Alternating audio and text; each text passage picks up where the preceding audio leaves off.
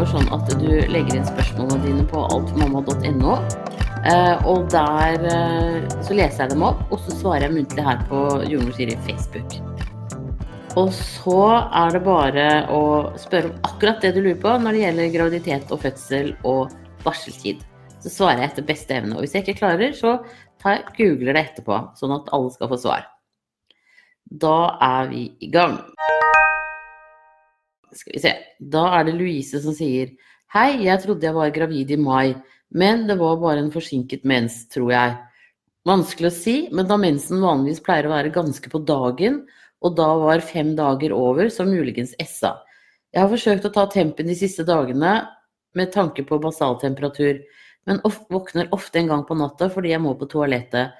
Og da er det vanskelig å få til basaltemperaturen, siden tidspunktene kan variere alt fra 0,2 til 0,5. Og jeg har hørt at man egentlig bør ha sovet i fire timer for å få en ordentlig troverdig basaltemperatur. Stemmer det?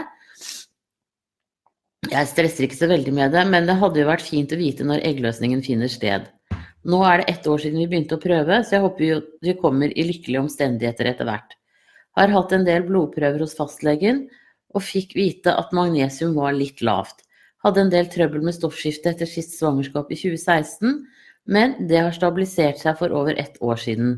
Det var dog veldig lavt en periode, fordi medisinene for det i utgangspunktet høye stoffskiftet ble litt for mye for kroppen min, og endte med veldig lav, et veldig lavt et.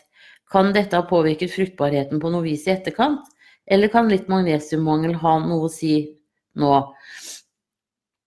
Skal ta tabletter for det. Generell angst kommer og går, men det har det gjort siden jeg var tidlig i ungdomsårene. Så jeg antar at kroppen er vant til det, selv om psyken ikke alltid er det. Men det blir jo mye adrenalin, høye skuldre, urolige drømmer osv. når det er på sitt verste. Men som regel kommer dette i forbindelse med PMS nå for tiden, så jeg har antatt at det heller ikke skulle påvirke fruktbarheten. Noen gode råd? Her ble det mange ting, og kanskje er det ingenting spesifikt som er årsaken, men bare videre tålmodighet. Jeg stoler på at hvis det er meningen at vi skal få flere, så vil det skje en vakker dag, men jeg er jo også nysgjerrig på å finne løsninger. Ja. Da tenker jeg at eh, når det gjelder det å måle basaltemperaturen, så kan ikke du bare på det arket hvor du skriver ned temperaturen, eh, sette et lite kryss de nettene du har vært oppe og tisset, for da vil du se om det påvirker det eller ikke. Eh, og så er det jo sånn at det er jo på en måte den stigningen som skjer over tre dager, som, som er det viktige, og at den da vil holde seg høy hvis du blir gravid. Så, så jeg tenker at det, det, er ikke noe i veien for å, å bruke basaltemperatur sånn som du gjør nå for det om, da. Og det er en veldig lur måte å finne ut eh, om man er eh, fruktbar på, eller når man har eggløsning, da. Så jeg tenker at det, det kan du bare fortsette med. Og så skriver du at du har hatt et svingende stoffskifte, og det kan i aller, aller høyeste grad påvirke fertiliteten. Det er litt sånn underkjent, men de som er gode på stoffskifte, de sier det at det eh, både høyt og lavt stoffskifte eh, har en ganske kraftig påvirkning. Og så er det også sånn at det er viktig at det er balanse mellom disse faktorene i, eh, som er en del av stoffskiftet, til altså Jeg er ikke så god på det, men det er liksom at de også innbyrdes skal være i balanse, da. Så det kan jo hende at du skulle bedt fastlegen din om å henvise deg videre, med mindre det er en fastlege som har spesiell interesse for stoffskifte, men at du eventuelt blir henvist til en endokrinolog for å, å få, en, få ordentlig system på det, rett og slett. Eh, jeg tenker at det kan være en investering. Og så er det jo også da viktig at når du er gravid, at vi satser på at du blir gravid, at du da har en veldig god balanse i stoffskiftet gjennom graviditeten. Um, det er også essensielt. Og sånn som du sier at det at psyken din svinger, det tenker jeg det er ikke, det er ikke noe å være noe veldig bekymra for. Altså, det er en del av livet, uh, og sånn er vi bare, rett og slett. Um, men viktig også da at du får magnesiumen din på plass. At den blir i, i balanse. Uh, og det, den kan du også da godt ta sammen med D-vitaminer for å øke opptaket. Men kroppen er noen ganger veldig sånn finstemt. Uh, så jeg tenker at sånne At uansett så er det fint å få den balansen, da. og så i forhold til eh, PMS og sånn, så fins det også noe som heter Kiskets-tre. Eh, som er et, eh, en urt som er i ferd med å bli godkjent i Norge nå, tror jeg. De bare bruker litt lang tid på det. Eh, men den kan du også få kjøpt på nettet. Jeg kan legge inn en link til deg fra rolv.no, hvor du kan søke på Kiskets-tre. Eh, det er et, en, en urt som er med på å balansere kvinnelige hormoner. Så jeg tenker at det kan hende at den også kunne være noe for deg nå for å, å få ned PMS-symptomene og for å få en balanse. Så eh, jeg er sånn som tror litt på urter og sånn, da. Men eh, jeg skal legge inn en link her. Da ønsker jeg deg riktig, riktig lykke til videre. Håper at det klaffer snart. Og så må du ha en strålende dag. Ha det bra. Og så er det Salami som sier hei, jeg er i uke ti og har spist litt salami siden det sto her inne at det var tjamat. Ikke hver dag, kanskje ti brødskiver, men er redd for at barn har tatt skade av dette. Hvordan finner man ut om barnet er smittet av farlige bakterier? Jeg har hatt en tørrhoste i en liten uke nå og har lest meg redd. Ja, det er sånn at de eh, store salamiprodusentene sier at eh, selve den prosessen gjør at listeria og toksoplasmose eh, dør. Så jeg tenker at du ikke har noe å være redd for i det hele tatt. Gilde lanserte jo også her graviditetssalami en periode, men har de tydeligvis trukket fra markedet. Eh, men eh, Så jeg tenker at eh, her strides de lærde, rett og slett. Når det gjelder den tørrhosten, så kan du jo alternativt gå til legen og sjekke deg. Det er jo ofte sånn at hvis man blir forkjøla når man er gravid, så, så sitter det litt lenger i fordi at slimhinnene allerede er litt hovne. Det kan jo også hende at du har en litt sånn allergisk reaksjon. Det er ganske Nå titter jeg ut av vinduet her. Det er ganske mye pollen ute om dagen. Og hvis det blåser litt og sånn, så, så, blir det også litt støv i tillegg. Så jeg tenker at dette er mer sånn um, uheldig sammenfall av ting som skjer i kroppen din. Uh, med listeria og, og toksoplasmose så er det liksom de fleste ja, det er ikke tørrhoste som er liksom hovedsymptomet der, da. Det er mer sånn generell sykdomsfølelse i kroppen. Men da ønsker jeg deg riktig lykke til videre. Jeg tenker at du kan senke skuldrene. Og tusen takk for at du følger meg her. Ha det bra! Og så er det seteleie som sier hei.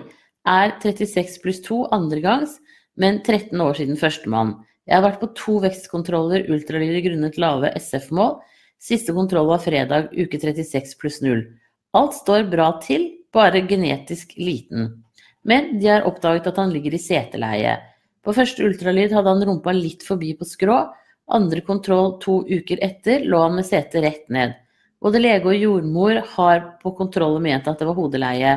Sykehuset prøvde utvendig vending uten at det lykkes. Har etter det samme dag også fått akupunktur for å snu han. Hvordan kan jeg kjenne om han snur seg eller har snudd seg? Kan eventuelt plasseringa hikke ha noe å si på leie? For trodde kanskje i dag at han hadde snudd seg, for hikkingen flytter seg fra nede ved lysken på høyre side til hvor jeg lenge har kjent hikking, til øverst på venstre siden i dag. Men litt senere på dagen i dag var hikkingen igjen nede, men da på venstre side.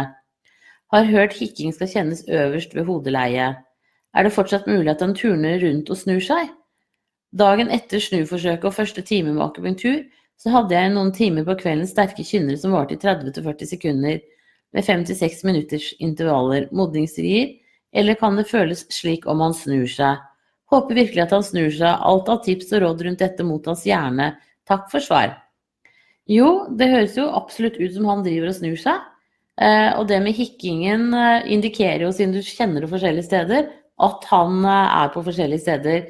Så jeg tenker at eh, du må tenke at den der hvor du hørte hikkingen først, eh, og mens han lå i seteleie, det er sånn det kjennes ut når han ligger i seteleie. Og når du da kjenner det andre steder, så er det på en måte Da har han snudd seg. Men så kan det jo også være da, når han driver og snur seg såpass mye, at, uh, at han på en måte har ryggen først på den ene siden, og så på den andre siden. Eh, så det kan liksom være variabelen her, da. Men veldig godt observert, syns jeg, at eh, det med hikkingen, da. Eh, og nå skal det sies også at både akupunktur og, og sånn ytre vending har en 50 eh, vellykkethetsrate, om man kan kalle det. Så, så, så det er jo spennende å se. Når, det, når, du sier det der at du fikk sånn sterke kynnere etter snuforsøk, så er det fordi at da har de virkelig knørva livmoren din. De har holdt på og jobbet med den og sånn, og når den blir stimulert på en sånn måte, så er det veldig fort gjort at man kan få rier av det. Så det er derfor man ofte blir observert uh, i hvert fall en time etterpå, for å sjekke at man ikke faktisk går i fødsel. Utover det så mener man jo at det å ligge i sånn skurekoneposisjon, dvs. Si at du ligger på alle fire på gulvet, men så ligger du på underarmen sånn at liksom rumpa blir høyeste punkt. Um, og da kan du gjøre det ti minutter morgen og kveld, og se om det kan også ha noen uh, effekt. Det som jeg regner med at du da skal på en ordentlig ultralyd uh, om ikke så lenge igjen. Eh, det de kan sjekke også, er hvordan er det med navlesnoren. Kan den ligge rundt babyens hals? Kan det være en av årsakene til han ligger, liksom? Men i og med at du sier at han snur seg såpass mye, så tenker jeg at da, da er det kanskje ikke det som er årsaken. Det kan være helt sånn tilfeldig. Og så er det jo også sånn når de har ligget en stund i seteleie, så så har på en måte kroppene deres uh, vent seg til det også. Men ellers så vil du jo da eh, kunne være med selv på å avgjøre om du vil føde vaginalt, eller om du vil ha eh, keisersnitt. Det er ikke noe særlig farligere å føde i keisersnitt enn en vanlig hodeleie. Nei, seteleie enn i vanlig hodeleie. Um, så det er sagt sånn rent statistisk. Det bare høres mye mer voldsomt ut. Uh, men, um, og det er fordi at hodet er den største delen, men den kommer sist ut. Men du kan også lure på, når de blir født med rumpa med beina langsmed, så er jo det også ganske bredt, da.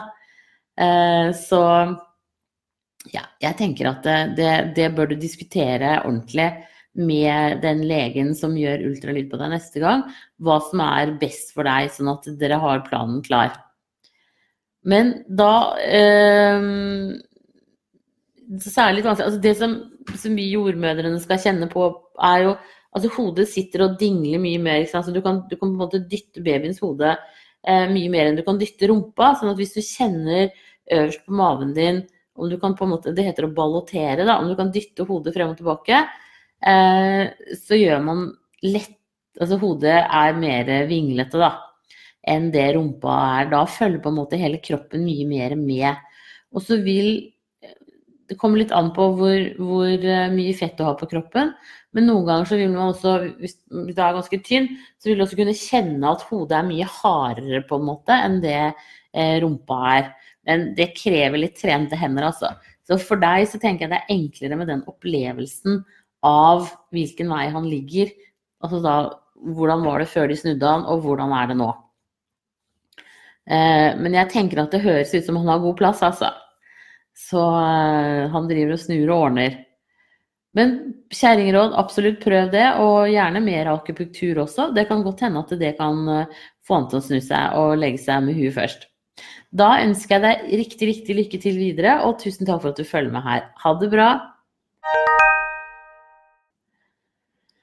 Og så er det hjertelyd som sier hei, jeg lurte på hvor tidlig man kan høre hjertelyd utenfra hos jordmor. Eh, nei, det er, kommer an på Hvis det er eh, jordmorstetoskop, så er det nok ofte ikke før i uke 15-16.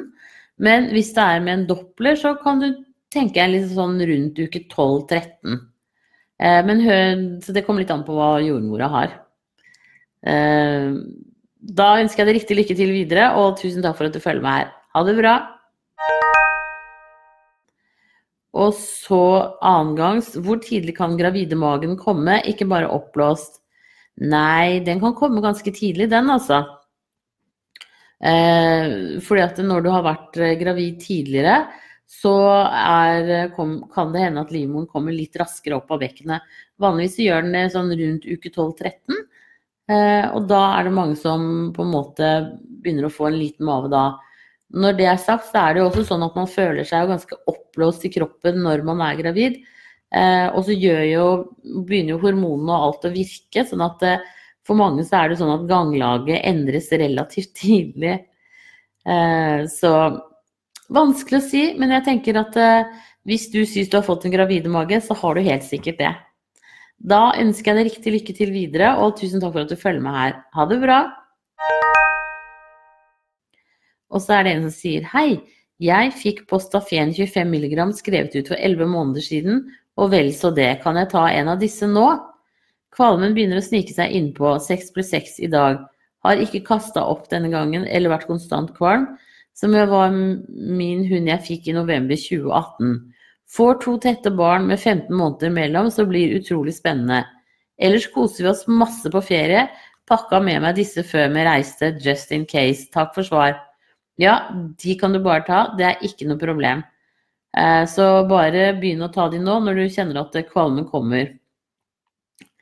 Eh, men det er jo positivt at du um, ikke er så kvalm denne gangen, da. Det er jo helt knall. Så det er bare å krysse fingrene og satse på at det fortsetter. Da ønsker jeg deg riktig, riktig god ferie, og kos deg masse videre. Ha det bra! Og så er det god morgen, Siri. Hei, Siri. Jeg er gravid med nummer to, og vi bor for tiden i England. Jeg lurer på dette med å se etter antistoffer og potensiell resussykdom hos foster. Jeg er resus minus, jeg fødte nummer én i Norge og fikk en sprøyte rett etter fødsel ettersom hun var resus positiv, og trodde derfor at alt skulle være greit nå. Men nå har jeg snakket med venner her i England som mener det er merkelig at jeg kun fikk sprøyte etter fødsel, og ikke mens jeg gikk gravid. I England får man sprøyte ved 28 og 32 uker og etter fødsel.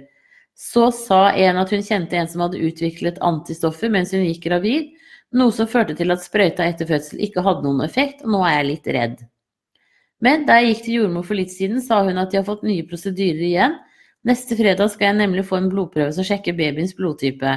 Om den kommer tilbake er det at er resus negativ, så skal jeg ikke få sprøyte før de sjekker om blodtypen stemmer etter fødsel. Men om den kommer tilbake som positiv, så skal jeg få ekstra oppfølging samt sprøyte i 28, uke 28 og 32 og etter fødsel. Jeg skjønner at dette kanskje er utenfor ditt felt, men hvorfor er de så strenge på dette i England og ikke i Norge? etter jeg hørte om hun som utviklet antistoffer eh, i svangerskapet, har jeg blitt redd for om jeg gjorde det sist. Den neste babyen hennes måtte bli født tidlig og ha blodoverføring som har gjort meg litt redd. Vet du noe om hvor sannsynlig det er at blod til mor og baby blandes? Hadde for øvrig ingen blødninger i første svangerskap og ingen fall som jeg husker. Takk for fin side og ha en god dag. Jo, da kan jeg glede deg med at akkurat den samme prosedyren er innført i Norge. Eh, så nå gjør vi det som de gjør i England, også her.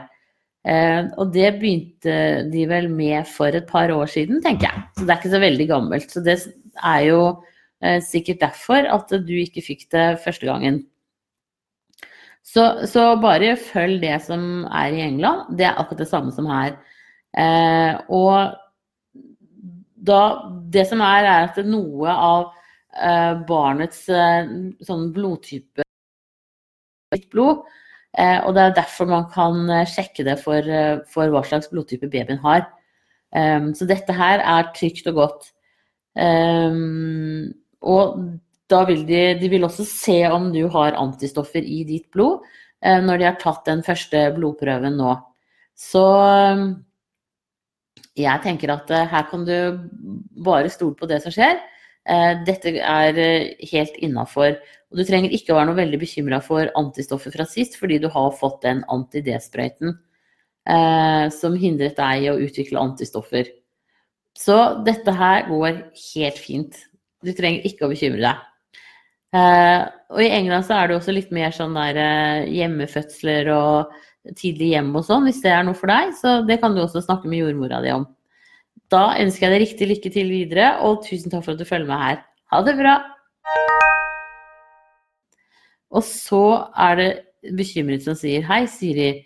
Hvor lenge kan en oppbevare kokt vann i kjøleskapet som en bruker til å blande ut morsmelkserstatning med?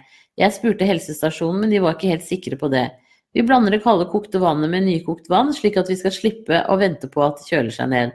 Nå koker vi vann tre ganger i døgnet og setter det i tildekket til kjøleskapet. Er dette greit nok? Jeg sluttet å amme etter fire uker pga. mye krøll, og nå har tulla to måneder, og jeg har ikke fått tilbake mensen. Har hatt keisersnitt og sterilisert meg, fjernet hele egglederne. Var på kontroll på sykehuset for to uker siden, og da sa de at de kunne se at jeg snart skulle få mensen. At livmoren bygget seg opp til det.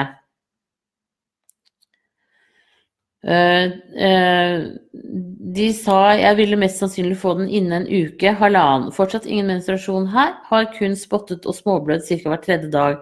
Men det har jeg gjort siden, helt siden to uker etter fødsel, når renselsen var ferdig. Blødde nesten ingenting nå pga. keisersnittet i forhold til første gang med vanlig fødsel. Hva tenker du om dette? Bør jeg kontakte Gynpol igjen, eller bare vente? Kjenner stikking i venstre side med eggstokken og murring, men det har pågått i flere uker, og de kunne ikke finne noen årsak til dette. Hilsen bekymret.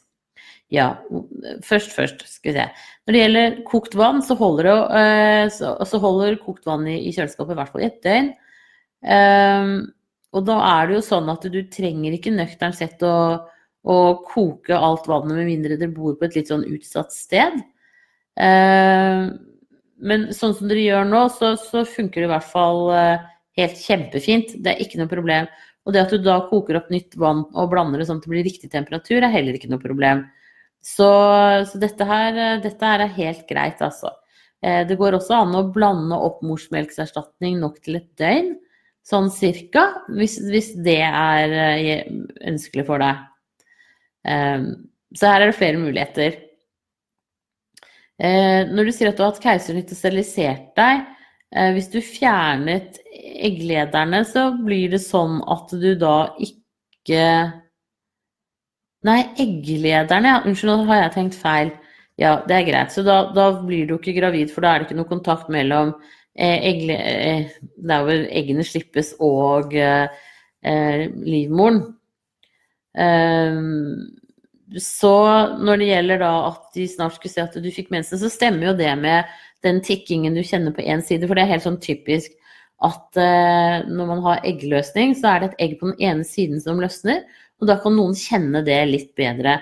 Og det kan jo hende, det er jo ikke så lenge siden du steriliserte det, at eh, det kjennes litt sterkere nå, og, og særlig ofte med den første eller andre mensen etter at man har vært gravid, så kan det kjennes litt sterkere.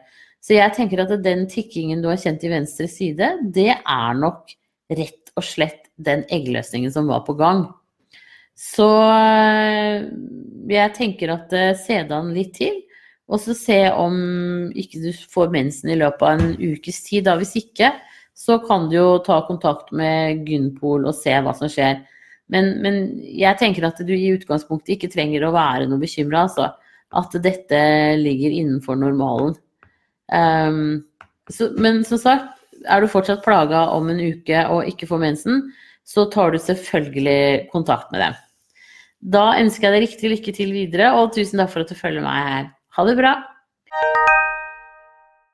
Og så er det andregangsfødende. God morgen, jeg er gravid med nummer to og har nettopp fått vite at morkaken ligger foran på magen. Vil den flytte seg i løpet av svangerskapet? Har begynt å kjenne liv nå, er i uke 19. Ha en fin dag. Hvis morkaken ligger foran på maven, så har det ingenting å si. Det eneste det har noe å si for, er at du kjenner bevegelse litt seinere i graviditeten enn det som er vanlig. Men ellers ikke noe eh, problem i det hele tatt. Hvis den hadde ligget foran mormunnen, altså vært øh, Uh, nå husker jeg plutselig ikke hva det heter. Altså helt foreliggende. Sånn at den stengte for fødselskanalen.